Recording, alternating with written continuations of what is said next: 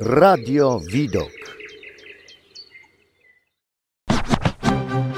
Sztuka i kultura. Dzień dobry, nazywam się Magdalena Kaliszuk. Witam Was bardzo gorąco ze studia Radia Widok i zapraszam serdecznie na pierwszy w historii odcinek Szarlotki przed śniadaniem. W mojej audycji chciałabym opowiadać Wam o najróżniejszych moich przyjemnościach oraz o rzeczach, o których mówienie sprawia mi przyjemność i którymi lubię się dzielić. Stąd właśnie wzięła się nazwa mojego programu, gdyż jedzenie szarlotki jest dla mnie bardzo przyjemne, a możliwość spróbowania jej przed śniadaniem ekscytująca. Pomysł na tytuł podsunęła mi pewna ważna dla mnie osoba podczas niezwykle inspirującej rozmowy. Dlatego też ogromnie zależało mi, aby tak właśnie nazwać moją własną audycję. Dzisiaj chciałabym bliżej przyjrzeć się pewnemu zjawisku, które sama odkrywam od jakiegoś czasu, a które jest dla mnie szczególnie ważne, ponieważ w bezpośredni sposób dotyczy mnie i moich bliskich. A mowa o wysokiej wrażliwości. Postanowiłam przybliżyć ten temat, gdyż zauważyłam, że ludzie często nie zdają sobie sprawy z występowania wrażliwszego układu nerwowego u niektórych osobników, a co wydaje mi się interesującym zagadnieniem. Zacznijmy więc od początku. Czym właściwie jest wysoka wrażliwość? Jest to zbiór cech, zachowań i skłonności, uwarunkowanych genetycznie oraz dziedzicznych, które po raz pierwszy wymieniła i scharakteryzowała w 1998 roku Elaine Aron w swojej książce Wysoko wrażliwi, jak żyć w świecie, który nas przytłacza.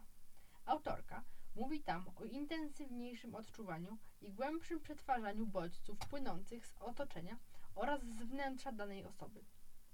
Profesjonalnie tę cechę temperamentu określa się wrażliwością przetwarzania sensorycznego, lecz powszechnie używa się nazwy wysoka wrażliwość, którą wymyśliła i spopularyzowała wspomniana wcześniej psycholożka i naukowczyni. Co ciekawe, nie występuje ona tylko u ludzi. Zaobserwowano ją u ponad 100 gatunków zwierząt, od muszek owocówek po niektóre rodzaje ryb.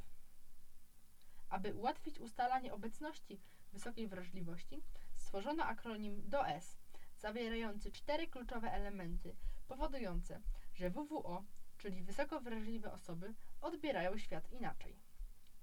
Głębia przetwarzania. Przestymulowanie.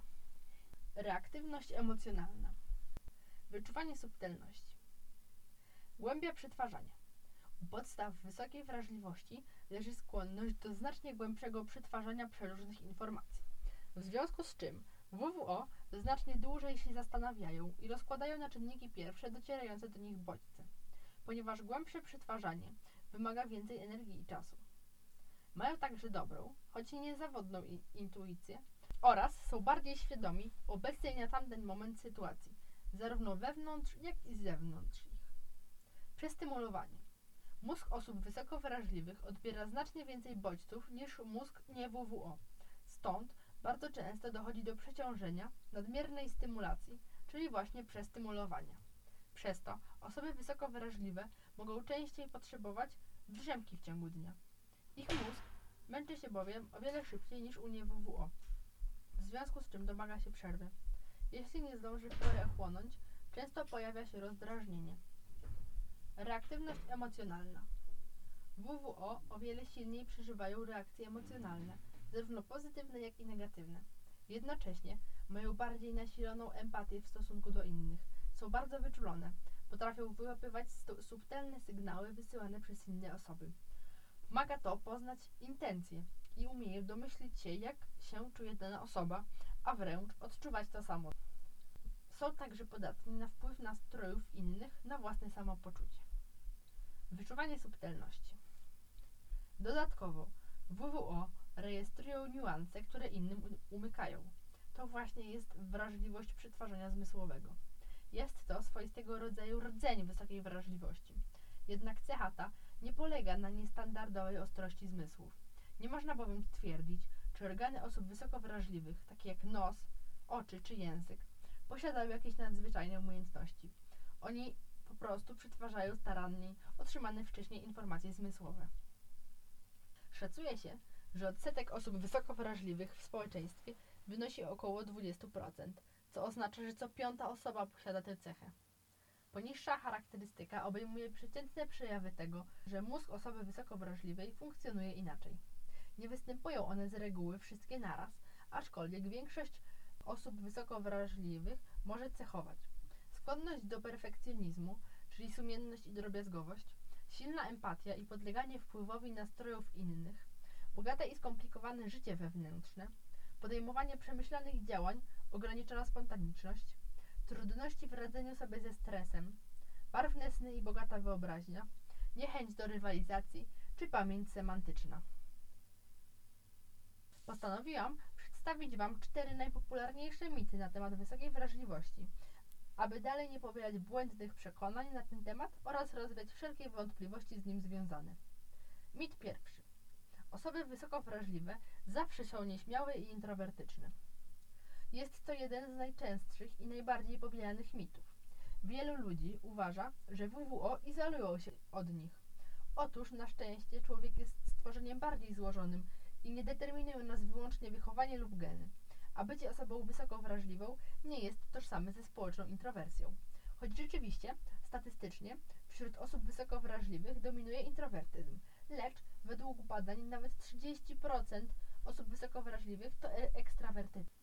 Jeśli wychowamy się w aktywnie towarzyskiej rodzinie, to raczej będziemy postrzegać innych ludzi jako źródło wsparcia, tak jak osoby ekstrawertyczne. A co z nieśmiałością?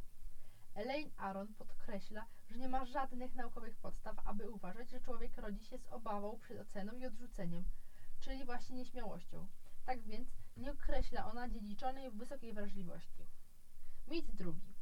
Wysoka wrażliwość dotyka tylko jednej płci, z reguły częściej kobiet. Mit ten wynika z faktu, że częściej kojarzymy powyższe cechy z kobietami, lecz są to tylko stereotypy, według których mężczyzna powinien być silny, twardy oraz niewrażliwy, a jest to wręcz zaprzeczenie wysokiej wrażliwości. Badania wykazały, że nie ma żadnej korelacji wrażliwość-płeć. Oznacza to, że zarówno kobiety, jak i mężczyźni mogą odbierać więcej bodźców oraz że rodzi się tyle samo wysoko wrażliwych chłopców, jak i dziewczyn. Mit trzeci. WWO są niezwykle spokojne i zrównoważone, nigdy się nie złoszczą. Mit ten powstał niestety, ponieważ wiele WWO nie nabyło umiejętności walki o swoje i stawiania granic, co często jest powodem frustracji oraz przeciążenia, które aktywuje podstawowe mechanizmy obronne, ucieczkę lub atak. Częściej reakcja takich osób jest skierowana do środka, przez co mogą sprawiać wrażenie spokojnych. Tymczasem one po prostu nie pokazują tego, co czują, chowając emocje dla siebie. Mit czwarty. Wysoka wrażliwość to zaburzenie osobowości. Obecne badania udowadniają, że wysoka wrażliwość nie jest żadnym zaburzeniem ani obciążeniem. Jeszcze 10 lat temu naukowcy przypisywali jej cechy nadwrażliwości, podpinając je pod neurotyczność lub inne zaburzenia osobowości. Na szczęście niedawno przekonania te uległy zmianie, gdyż reaktywność wykazywana przez WWO nie dotyczy tylko emocji, ale również innych zmysłów. Ta niezwykła cecha była uważana za przewagę ewolucyjną, gdyż wysoka wrażliwość pomagała przetrwać gatunkowi nie tylko ludzkiemu. Dzięki odbieraniu większej ilości bodźców i głębszemu przetwarzaniu, taki osobnik był bardziej wyczulony. W związku z czym był w stanie szybciej dostrzec lub przewidzieć potencjalne zagrożenie i tym sposobem ochronić siebie oraz resztę. Najprościej rzecz ujmując, grupa osobników z wysoką wrażliwością stosuje lub stosowała charakterystyczną strategię przetrwania polegającą na chwilowym zatrzymaniu się w celu obserwacji i późniejszego przetworzenia tego, co zostało zaobserwowane przed wyborem działania. Współcześnie coraz rzadziej na szczęście zdarzają się sytuacje potencjalnie zagrażające gatunkowi ludzkiemu, którym te osoby wysoko wrażliwe mogłyby zaradzić. Jednak wystarczy, by wysoka wrażliwość pomogła, czyli w domyśle uratowała kogoś chociaż raz, aby z genetycznego punktu widzenia ta cecha była opłacalna. Ważnym aspektem patrzenia na osoby wys wysoko wrażliwe jest fakt, w jaki sposób były postrzegane takie osoby przed rozpoczęciem nad tym zjawiskiem. Wysoko wrażliwi byli traktowani jako ci po prostu przewrażliwieni. Często wynikało to z niewiedzy, czasem jednak z uszczypliwości.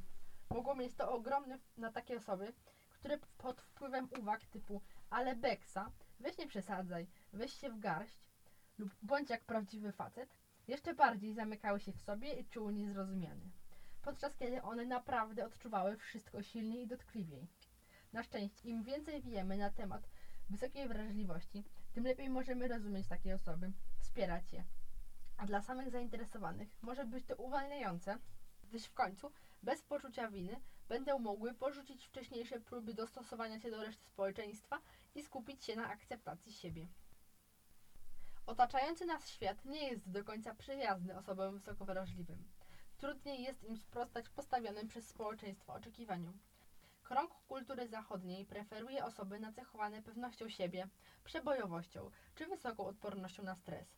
Są to cechy rzadko występujące u osób wysoko wrażliwych, przez co mają one na przykład większy problem w zabieraniu głosu podczas wystąpień publicznych. Dzieje się tak, ponieważ są świadome faktu, że ludzie ich obserwują i oceniają. Jednak największe trudności wynikają moim zdaniem z braku akceptacji i zrozumienia ich potrzeb. Głównym problemem WWO jest nadpobudzenie. Każdy człowiek, bez wyjątku, ma się najlepiej, gdy jego układ nerwowy jest umiarkowanie pobudzony. Niewystarczające pobudzenie skutkuje przytępieniem oraz sprawia, że człowiek ma słabszą percepcję i jest mniej skuteczny w działaniu. Natomiast zbyt silne pobudzenie sprawia, że ludzie są przytłoczeni i zagubieni. Gwałtownie spada koordynacja ruchowa oraz poczucie kontroli nad sobą. Osoby wysoko wrażliwe mają tendencję do notorycznego nadpobudzenia przez bodźce. W związku z czym ważne jest, aby dbać o utrzymanie tzw. optymalnego poziomu pobudzenia i dotyczy to nie tylko osób wysoko wrażliwych. Czy w takim razie wysoka wrażliwość może nam pomóc, czy raczej utrudnia codzienne funkcjonowanie? Uważam, że zależy to od paru czynników. Przede wszystkim tego, czy jest się świadomym posiadania tej cechy i czy zaakceptowało się ten fakt. Po drugie od środowiska. Jeśli ludzie, którzy nas otaczają, są wyrozumiali, rozumieją nasze potrzeby i wspierają nas, to z pewnością będzie łatwiej. Co innego, kiedy nasi bliscy nie zdają sobie z tego sprawy lub nie akceptują faktu bycia wysoko wrażliwym. Zdarza się również, że ta cecha może być postrzegana jako dar przez inne osoby, nie te zainteresowane, wysoko wrażliwe. Niezwykle uciążliwe jest bowiem przeżywanie wszystkiego mocniej, częste usprawiedliwianie czucia się źle przez dłuższy czas. Niestety takie osoby starają się pomagać innym za wszelką cenę, swoim kosztem. Zachowania te niestety nie zawsze są zauważone i doceniane, a często zwyczajnie wykorzystywane przez innych. Notoryczne bycie wykorzystywanym prowadzi do jeszcze większego zamknięcia się w sobie poszkodowanego i błędne koło się zamyka. Oczywiście może to być również piękna cecha, lecz trzeba umieć odpowiednio ją ukierunkować i okiełznać, aby nie była problemem, a stała się zaletą. Bardzo dziękuję za uwagę. Ze studia Radia Widok mówiła Magdalena Kaliszuk, a to była pierwsza audycja z serii Szarlotka przed śniadaniem o wysokiej wrażliwości. Do usłyszenia! Sztuka i kultura.